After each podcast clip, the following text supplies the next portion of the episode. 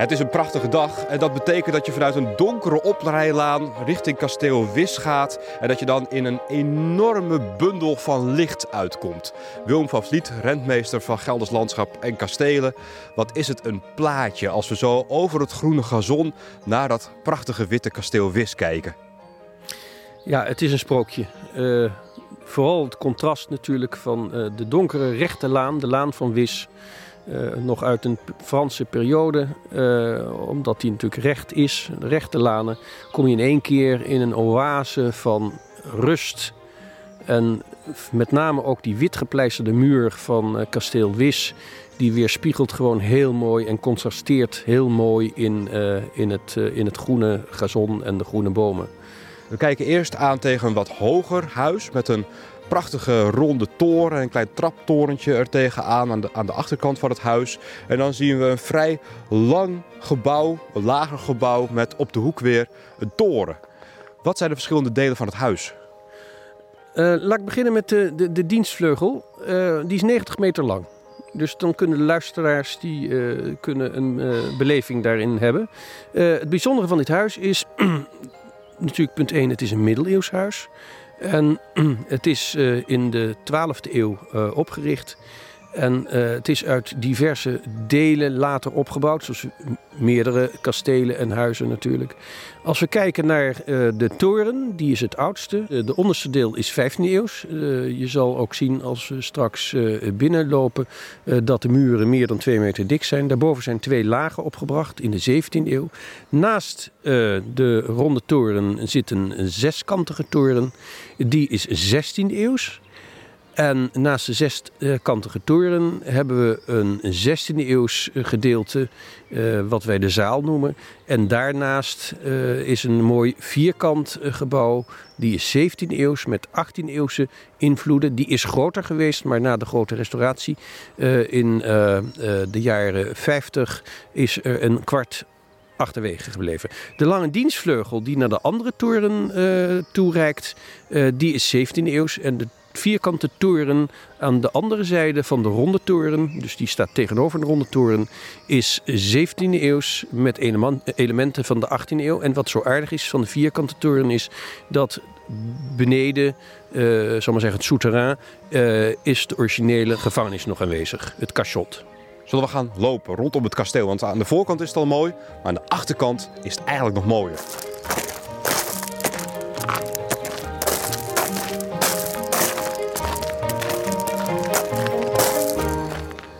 We lopen nu uh, langs het kasteel op richting uh, de kerk. En we zien hier een korte rechte laan naar de kerk toe. En uh, aan het eind van de laan zien we een prachtig smeedijzeren hek met twee rode leeuwen. Het wapen van Terborg voor de luisteraars onder ons. We hebben ook natuurlijk ook nog het restaurant De Rode Leeuw of café-restaurant De Rode Leeuw. Dat is het wapen van Terborg. Ik blijf hier even stilstaan omdat het een korte rechte laan is van het huis naar de kerk. U hoort de kerktoren nu al luiden. Een 15e eeuwse kerk opgericht ten gunste van uh, Sint Joris. Van Sint Joris en de Draak. Natuurlijk nu, of natuurlijk, een protestantenkerk in uh, de loop der eeuwen geworden. En deze korte laan was alleen maar gebruikt, of werd alleen maar gebruikt door de familie om ter kerke te gaan. En het hek is heel duidelijk waar de hoeden en de petten zich scheiden. Meneer en mevrouw gingen weer naar het huis en de bevolking ging uh, naar de stad toe.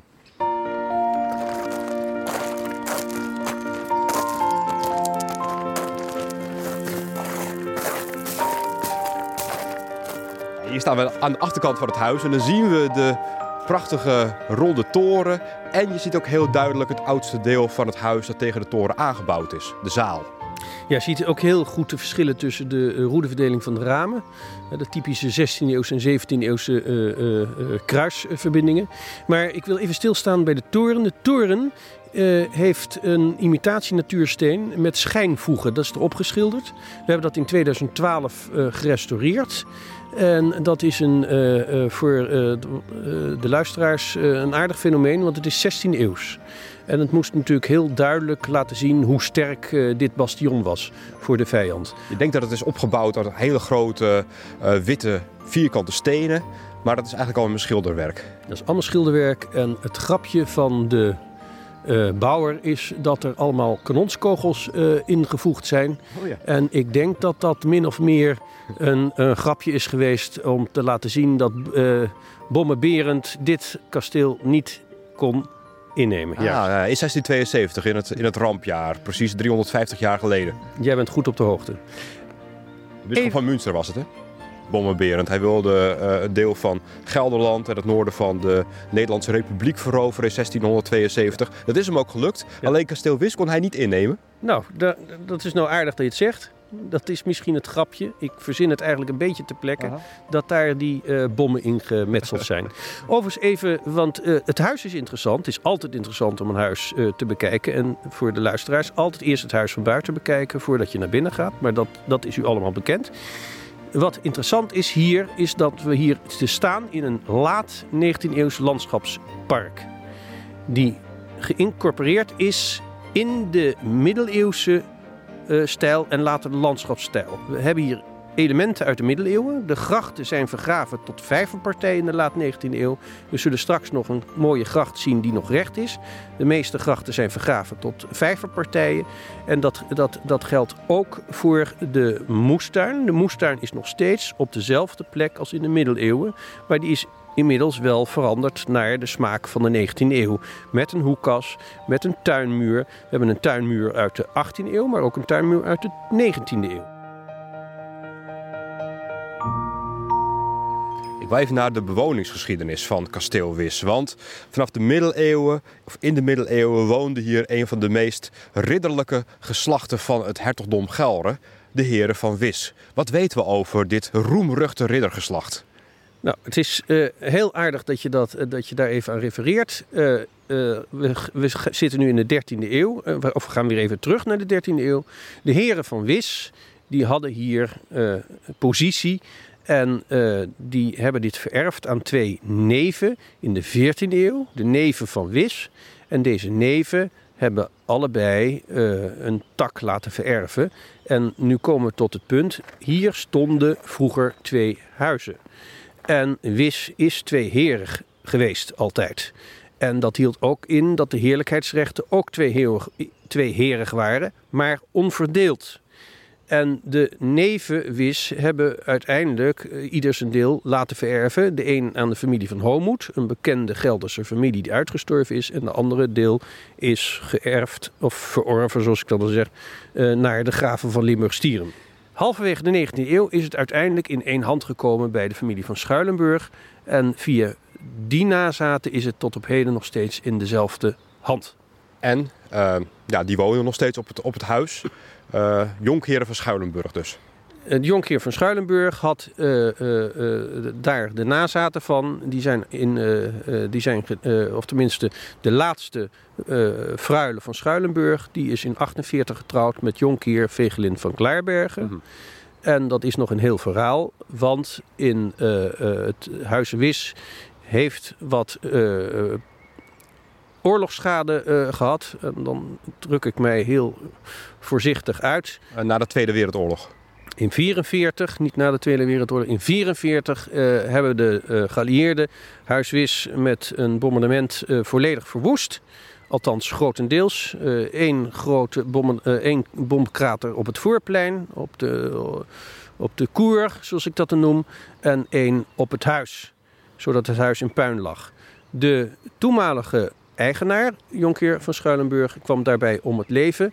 Ondanks eh, eh, het feit dat de burgemeester eh, hem waarschuwde dat de geallieerden het huis zou bombarderen. Want wat was het geval? In het huis waren hoge Duitse officieren.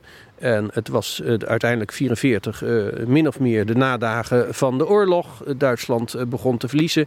De Duitse officieren waren hier ingekwartierd. mede ook gezien het feit door de strategische ligging. Want we zitten hier natuurlijk vlak bij Duitsland. En ja, tot overmaat van ramp is de heer van Schuilenburg dan door de oorlogshandelingen ja, overleden. En heeft dat moeten, eh, is dat toen ook laten vererven aan zijn eh, dochter eh Fruile van Schuilenburg, die later getrouwd is met Vegelin van Klaarbergen. En haar zoon en haar twee dochters zijn nu de huidige eigenaren van het huis en het landgoed. Maar Gelders Landschap en Kastelen uh, heeft het ook in bezit. Uh, in ieder geval een deel van kasteel Wis en het landgoed is in jullie bezit. Hoe zit dat? In 1944 uh, uh, is het huis in puin gebombardeerd door de geallieerden. Daar komt bij dat in die tijd, in 1945, de overheid geen subsidie gaf voor oorlogsschade. En zeker niet aan particulieren, alleen aan stichtingen. En dat is dus het moment dat onze stichting om de hoek kwam kijken. Uh, we zijn in contact gekomen met de familie. De toenmalige uh, directeur van Gelders Kastelen, Weile de heer Buurman, uh, heeft toen een constructie naar voren gebracht. Dat houdt in. De familie heeft de ondergrond van de toren en het 17e eeuwse deel van het huis en, het 16e, eeuw, uh, 16e eeuwse deel van het huis in eeuwigdurend erfpacht uitgegeven. Dat houdt in, de ondergrond is eigendom van de familie Vegelin van Klaarbergen. En ze hebben dus het opstalrecht, dus de opstal, de, het gebouw wat erop staat, die hebben ze voor een symbolisch bedrag gegeven aan de Gelderse Kastelen. Die vervolgens dit met 90% uh, subsidiegeld van het Rijk hebben kunnen opbouwen. 10% heeft de familie nog zelf bijgelegd. En vervolgens heeft Gelderse Kastelen in een constructie uh, dat deel van het huis weer verhuurd aan de familie Vegelin. Dus het is gewoon uh, wat dat betreft een huurconstructie geweest. Maar de familie is eigenaar van de ondergrond. Dus een deel het grote deel, de dienstvleugel en de vierkante toren, het Bergense huis, is volle eigendom van de familie Vegelin van Klaarbergen. De ronde toren, het Stierumse deel, dus het Stierumse huis en het 16e en 17e eeuwse uh, uh, deel is eigendom van Gelderse Kastelen. Maar de ondergrond is weer eigendom van de familie Vegelin van Klaarberg. Heel ingewikkeld verhaal. En heel bijzonder. En heel bijzonder, want het is de enige constructie bij Stichting Vrienden de Gelderse Kastelen waarin, de, uh, waarin wij nog direct contact hebben met de particuliere familie die er ook nog woont. En de, de, deze, vorm van relatiesfeer, zal maar zeggen, dat is uh, uniek voor onze stichting. Maar in ieder geval is het erfgoed bewaard voor het nageslacht. Wat ook heel bijzonder is, want Gelders Kastelen is natuurlijk opgericht in een tijd dat voor de oorlog de kastelen opgevangen werden. Zo'n soort vangnet, omdat men niet bij machten was om het financieel een kasteel in stand te houden. Na de oorlog hebben we een hele andere belangrijke doel erbij gekregen. Dat waren alle kastelen die volledig in, uh, in puin lagen. Om die weer uh, te restaureren en te doen herreizen. zo kan je zien, het kan verkeren. En in ieder geval, we zeiden het in het begin al. Wis is natuurlijk een bijzonder kasteel. Het is nog samen met Werg de, een van de vier laatste overgebleven banner kastelen, mag ik zo wel noemen. Nou, dus... Kastelen van de oude bannerheren uit ja. de late middeleeuwen, het tot om Gelre. De belangrijke riddergeslachten. We gaan het kasteel nu ook bekijken van de binnenkant. En dat is wel ontzettend bijzonder. We gaan ook binnenkijken in kasteel Wis.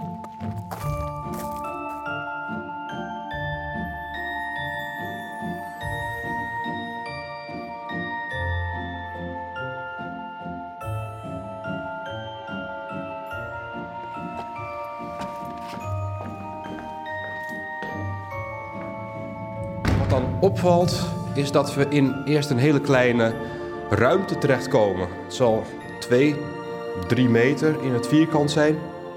Uh, we staan hier op dit moment, uh, zijn door een prachtige uh, groene deur binnengekomen. We staan in de hol van, van Kasteel Wis. Het is een kleine hol dus waardoor we binnenkomen, maar dan komen we vervolgens wel in een grote zaal uit. Die ziet er heel monumentaal uit. Prachtige schilderijen, grote trap en een prachtig uitzicht via vier ramen over het bordes. Aan deze kant heb je dus wel een bordes en over de tuin waar we net, uh, waar we net stonden. Nou, je ziet de prachtige Port Brisé deuren die naar, uh, als een soort uh, opening zijn voor een tuinkamer. En dan kijken we in een laat 19e eeuws landschapspark. met prachtige vijverpartijen die uiteindelijk de oorsprong vinden van de middeleeuwse grachten. Want die zijn vergraven later en die zijn gebruikt om het in het park te laten incorporeren. We staan hier in de ontvangstruimte. Uh, een uh, ruimte die uh, in 59 is gerestaureerd. in 61 is de restauratie voltooid. Heeft erg lang geduurd. En het is het 17e eeuwse deel van, van het huis. Met duidelijk 18e eeuwse elementen. Het is onder auspiciën van de architect Kanneman gerestaureerd destijds. Er is nog een kleine zithoek hier aan deze kant. Het is echt een hele ruime, hele ruime zaal. Uh, met allemaal deuren naar andere vertrekken. Waar mogen wij kijken? Nou René, uh, uh, normaal is het zo dat je eerst naar de salon gaat. Ah, welke deur moeten wij dan door? Zijn er drie waar we nu voor staan? We gaan nou. naar de meest rechterdeur.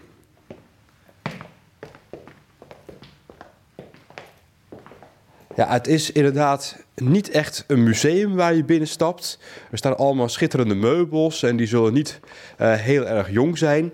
Maar je kan zien, hier wordt nog geleefd. Het aardige van deze kamer is uh, ook weer uh, het is gerestaureerd. Er zijn allerlei elementen uit andere huizen uh, gevoegd. Die zijn, die zijn uh, na de oorlog bij elkaar verzameld. de schouw is dan een typisch Louis XVI schouw. maar de betimmering is nieuw, of nieuw, ook uit de jaren 60. Dus onderhand ook alweer meer dan een half eeuw geleden. de, de haard komt ook weer ergens anders vandaan. De meubels zijn allemaal ingebracht door de heer en mevrouw Vegelin van Klaarbergen. Omdat natuurlijk het huis helemaal uh, kapotgeschoten was of gebombardeerd en de meubels daar meegenomen zijn. En ze hebben overal op veilingen eh, verzameld om het huis weer uh, de sfeer te geven die het voor de oorlog had. is mij verteld, ook aan de hand van foto's hebben ze geprobeerd om zoveel mogelijk dezelfde soort meubels te zoeken die er stonden. Wat ik heel mooi vind is, alle deuren naar de volgende vertrekken staan gewoon open. Dus ik neem aan dat we hier ook nog wel even op de hoek mogen kijken. En dan komen we weer in een hele andere zaal terecht, namelijk de eetzaal. Denk ik zo als ik naar de grote tafel in het midden kijk. Ja, dit is, uh, dit is de eetzaal. Uh, uh, niet echt groot. Eh, er zijn grotere eetzalen natuurlijk voor een landgoed. Maar wat hier bijzonder aan is, is namelijk dat hier de, het linnen behangsel is beschilderd met een romantische voorstelling, met allemaal Italia Italiaanse uh, uh, invloeden en gebouwen. En uh, dit, dit soort linnen behangsels werden in productie gemaakt, meestal in het westen van het land. En dit, deze stukken komen uit een huis van de Westermarkt in Amsterdam. Eh, de betimmering is er natuurlijk omheen gemaakt. Uh, die is uh, wat dat betreft praktisch nieuw. En je ziet dat het is niet van hoogwaardige schilderkwaliteit. want de gebouw, het perspectief klopt niet helemaal. maar het is wel heel erg aardig. Maar het is productiewerk geweest. En ja, heden ten dagen op de internationale kunstmarkt toch ook zeer gewild. En deze schilderingen hebben de Tweede Wereldoorlog wel goed overleefd? Nee, dan heb ik dat niet goed, uh, goed geduid. Deze, deze komen uit een huis van de Westermarkt in Amsterdam en die zijn na de oorlog hier ingebracht. Ik ben zo benieuwd hoe we van hier nou naar dat oudere 16e eeuwse deel gaan, naar de zaal en naar de toren. Dat kan niet volgens mij via de begane grond. Nee, en dan kun je niet meer voorgaan, want dan raak je de weg kwijt. Nou moet ik jou begeleiden.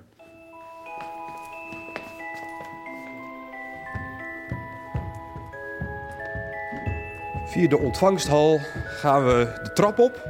En alleen via de bovenverdieping komen we in de andere zalen van kasteel Wis terecht. En ook richting de oudere gedeeltes van het kasteel. Want we zijn nu nog, Willem, in het 16e, 17e eeuwse, nee, 17e, 18e eeuwse deel van kasteel Wis. Ja, dat heb je goed opgemerkt. En uh, zoals je ziet, uh, ook beneden, we staan nu op de vierde. Uh, deze Lodewijk de 15e schouw is er ook weer later ingebracht na het, na de, of tijdens de restauratie, na het bombardement. En zo zijn er heel veel elementen uit andere huizen hier ingebracht. Er liep net een trap op met een Lodewijk de 14e baluster fragmenten in de trapleuning. En uh, we gaan nu vervolgens naar de torenkamer toe. Nou ja, en het heeft allemaal grappige doorgangetjes. En zoals het hoort bij een middeleeuws huis, we lopen nu ook weer door een andere zitkamer. En we komen dan via een klein gangetje, een smal gangetje, trappetje af. In een ruimte met een uh, heel mooi halfrond plafond. Het is lichtblauw, het is van hout. En dit is echt de gang die het jongere deel van het kasteel met het oudere gedeelte verbindt. Ja, uh, bijzonder omdat ik dit soort welvingen uh, zelden heb gezien in, uh, in particuliere huizen en kastelen. En dan komen we in een heel donker gangetje. Als we de hoek omgaan, waar gaan we naartoe als we rechtdoor lopen? Kom je dan echt in de 16e eeuwse zaal terecht? Nou ja, dat is het lastige van dit huis. Uh, dan kom je weer in een andere kamer terecht, maar wel in het 16e eeuwse deel, maar dan weer van de zolder. En we gaan nu uh, een verdieping lager, zodat we eerst naar de torenkamer gaan van het 15e eeuwse gedeelte. En van de torenkamer kunnen we eigenlijk pas correct naar de 16e eeuwse zaal.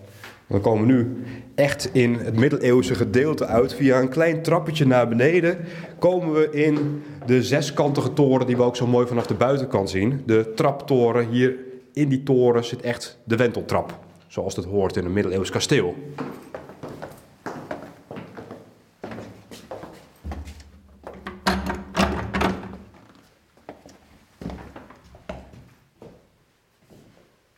Een ronde kamer met twee ramen, drie deuren en een haardpartij. Dit is de middeleeuwen. Ja, je vergeet een belangrijk uh, iets op te noemen. De schietgaten, die zitten er nog in. Die zijn uh, weliswaar met deurtjes uh, min of meer half dicht gemetseld. Maar ze zijn nog aanwezig. Drie schietgaten.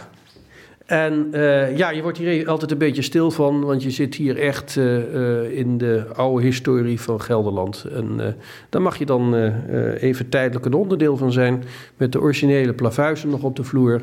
En het, de, het houten, de houten balken hierboven, ja, die zijn natuurlijk later ingebracht, omdat ja, met het bombardement in 1944 lag alles ook in puin.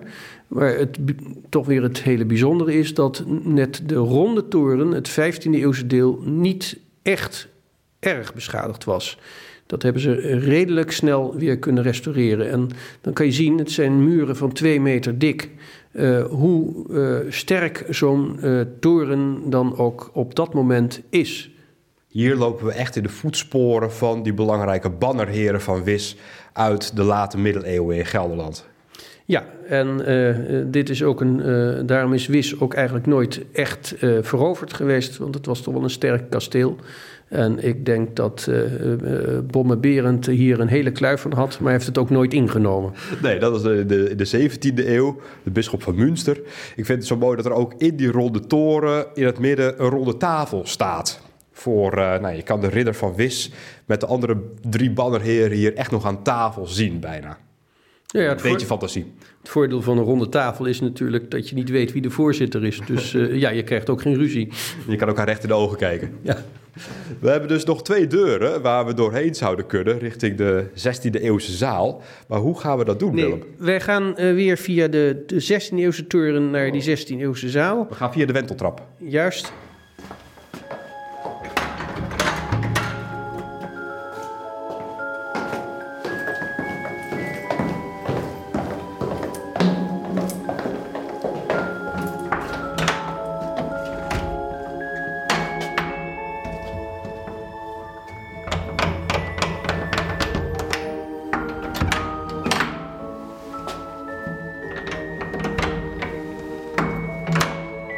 Zit goed vergrendeld. Twee schuiven moesten uh, naar opzij geschoven worden. En dan komen we via die prachtige oude wenteltrap in ja, een laat-middeleeuwse ruimte. 16e eeuw is dit. Een, uh, bijna een ridderzaalgevoel krijg je hier. Ja, uh, voor uh, de luisteraars die wel doorwet zijn geweest, uh, dit is, lijkt daar ook natuurlijk op. ja, het lijkt ja. op de grote zaal van, Door, van kasteel ja. Doorwerd. Uh, voor mij een van de mooiste kamers. Ja, het is een zaal, maar het is uh, ook tegelijkertijd een kamer. Want het is allemaal wel te bevatten hier. Het is niet te groot, het is niet te klein. Nee, er staat, er staat een bureau, een grote kast, een zithoek. En nog een paar, uh, nog een paar kasten. Uiteraard een grote haardpartij. En gordijnen met ja, kleinere ramen dan in de 17e en de 18e eeuwse gebouwen. Ja, met name ook die ramen zijn heel typerend uit de tijd. Uh, met die kruisen erin, die, die stenen, hardstenen kruisen in de raampartijen, de bovenlichten en de onder de luiken. Het is echt een heel bijzonder, uh, heel bijzonder kasteel. Vooral ook door al die verschillende bouwfases die echt tegen elkaar aan, uh, aangelegen zijn. Het, aard, het, aardige hier is natuurlijk van, uh, we zijn er beide een beetje stil van. de serene rust die, die deze zaal uit, uitstraalt, geeft al genoeg te kennen dat het toch heel bijzonder is dat we hier mogen staan. En dat we maar een heel klein onderdeel zijn van een roemrijke geschiedenis van Kasteel Wis.